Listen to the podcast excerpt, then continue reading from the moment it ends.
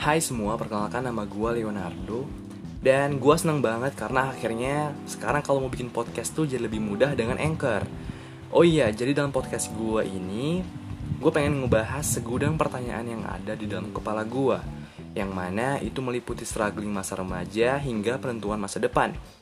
Dan mungkin gue bakalan banyak menyisipkan cerita-cerita yang gue sendiri pernah alami.